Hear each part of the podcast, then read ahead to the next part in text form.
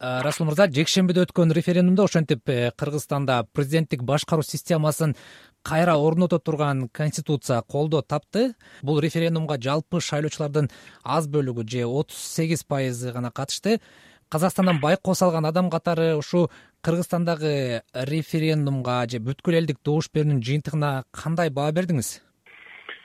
Енді ең алдымен албетте бул кыргыз азаматтарынын ысы ғой бирок енді біз көрші мемлекет болғаннан кейін осы қырғыз бауырларымыздағы жағдай орнықса саяси дүрбелеңдер осымен тоқталса деген мәселелерді алға тартамыз ғой. Сондықтан біз әрине жанкүйер болып табыламыз.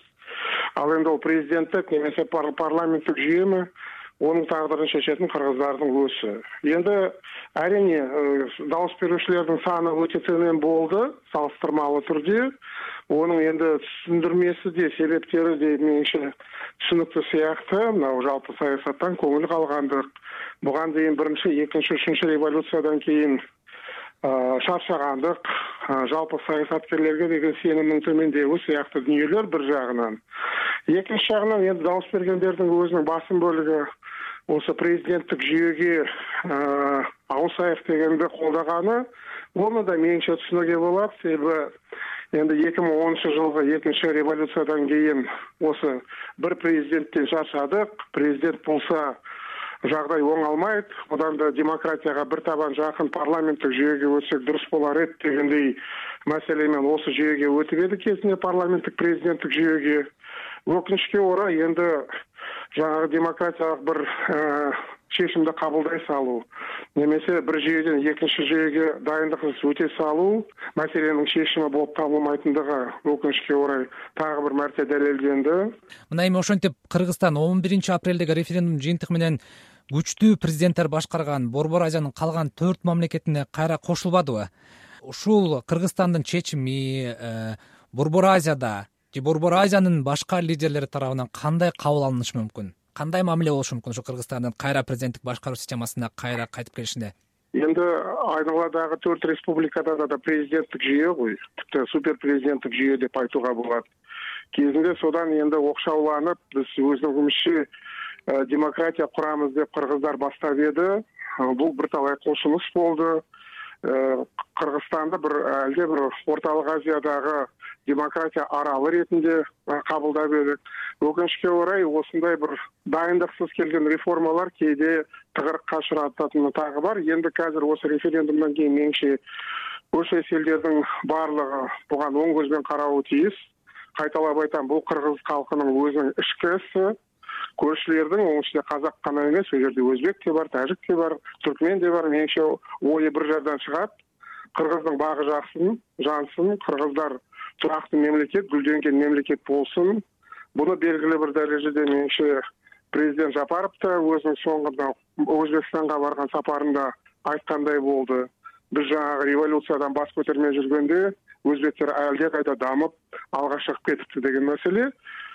Бізге керегі осындай ұйымшылдық осындай игі көршілестік әсіресе сыртқы ресей сияқты күштер бізді бір бірімізге айдап салып отырғанда соған төтеп торып беріп ортақ мәмілеге келу айналып келгенде қырғыздарға ең жақын елдер рухани тұрғыдан бұл өзбектер қазақтар тағысын тағы сондықтан бізге меніңше егер қырғыздар жаңағы осындай шешім кабылдап жатса курметпен карау керек мындай чечимдерге расул мырза сиз айтып кетпедиңиз мына эки миң онунчу жылдагы апрель окуяларынан кийин кыргызстан бүткүл дүйнөгө парламенттик системага өткөнүн жарыялаган анан бирок иш жүзүндө соңку он бир жылдан бери президенттин бийлиги дал эле болсо күчтүү болгонун байкоочулар дагы бийлик өкүлдөрү өздөрү дагы айтып келишти.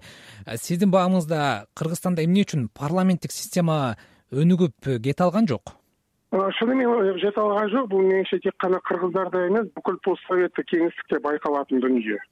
Біз мынау социализм коммунизмде құтылдық енді демократия құрамыз дегенде сол демократияның батыс үлгісіндегі демократия емес өте тұрпайы үстіртін тек қана соның бір институттарын алып келу парламент сияқты конституция сияқты іс жүзінде қоғамның өзінің элиталарының өзінің дайын шықпағандығы ол саясаттағы демократия бола ма экономикадағы демократия бола ма? Содан көңіл қалғандығы.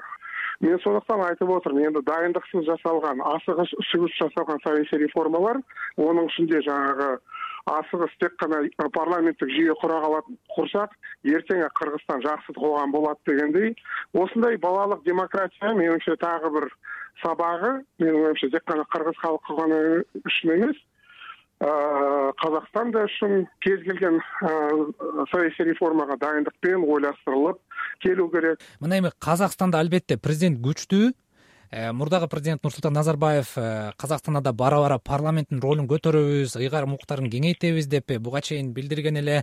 Бирок мындай иш жүзүндө дале болсо президенттин бийлиги күчтүү экени белгилүү.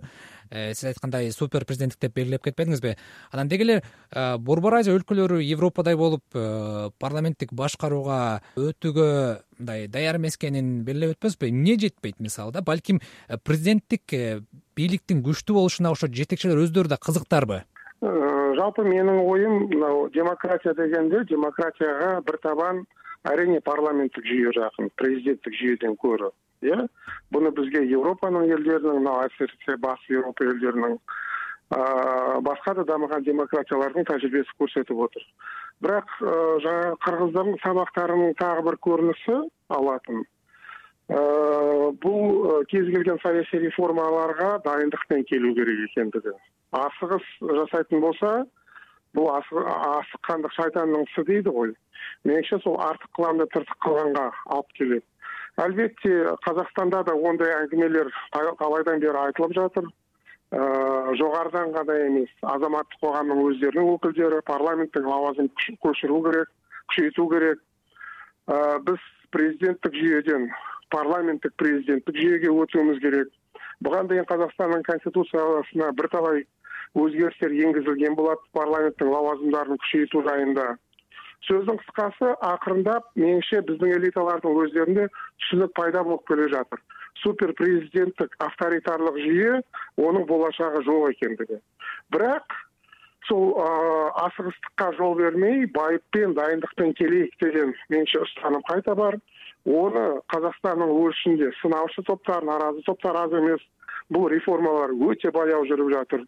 Тезірек істеу керек керек еді дегендей. Оны да түсінуге болады ә, менің ойымша жалпы негізгі кредо негізгі басымдық әрине демократиялық реформаларға саясатта нарықтық нарықтық реформаларға экономикада берілу керек.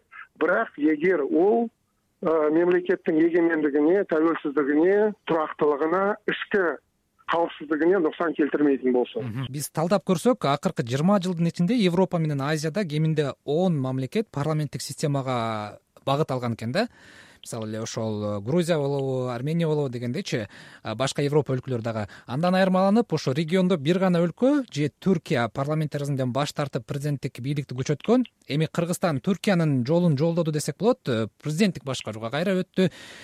Сиз бир аз баштап кеттиңиз бирок сурайын деп атам да ошо мамлекеттик башкаруу формасын өзгөртүү элдин турмушун жакшыртып жибереби деги эле өнүгүүгө өбөлгө түзө алабы. Менимче ол тек гана осындай алык шарттардын бири гана тек қана осындай бір реформаны жасадық президенттік жүйеден парламенттік жүйеге көштік дегенмен мәселе ол тек қана тиісті алғышарттардың ондаған жүздеген алғышарттардың біреуі ғана иә сондықтан менің ойымша енді қазір соңғы осы өзгеріс қырғызстандағы автоматты түрде көп түйіннің шешімі болады дегеннен меніңше біз алшақ болуымыз керек. Ал енді рас түркияда осындай жағдай болды сол ататүрктүн өсиеттеринен кичине алып калып президент тайып режеп эрдоган азыр президенттик жүйөгө алып келди бул да сол авторитаризмдин бир көрүнүшү менимче бул демократия багытындагы кадам болуп табылмайт десе де бул энди түркия халкынын түркия коомунун чечими оган да құрметпен карау керек менин оюмча жалпы кыргызстандын өзүндө жанагыдай реформалар калай болгондо да кыргызстандын өз ички иши болуп табылганы аймактагы геосаясатка байланыштуу айталык демократиялык реформаларды жүргүзүү европалык европага жакын мемлекеттерге өтө оңай. Э кезинде польшада румынияда болгарияда неліктен себеби айналасында демократиялык элдер айналасында парламенттик жүйөлөр кыргызстанга осы жагдайда өтө кыйын себеби айналасынын баардыгы авторитарлуу мемлекеттер супер президенттик жүйөдөгү мемлекеттер буган да кыргызстан табелдүү буган да багынычтуу э ортолук азиянын как ортосунда отуруп батыштык э, санаттагы ягни мынау айналадагы геосаясий э, жагдайга көп нерсе байланыштуу балким кыргызстандын жанагыдай эксперименттери кезиндеги акаев баштаган бакиев баштаган атамбаев баштаган ушундай сәтсиздикке учураунун бир себеби ички факторлор менен катар сырттагы аймактагы жагдай ошондуктан менин оюмча жалпы бизде аймактагы бир консенсус пайда болобу тек гана бир жакындашуу гана эмес осундай реформаларды авторитаризм демократияга э бир партиянын бир адамдын бийлигинен жалпылама парламенттик бир жүйөгө өтүү бул тек гана менимче кыргыз элиталары гана эмес жалпы ортолук азия элиталарынын бирлешип карастыратын бир көкжиектердин бири болу керек сыяктуу рахмат. Сиздерге рахмет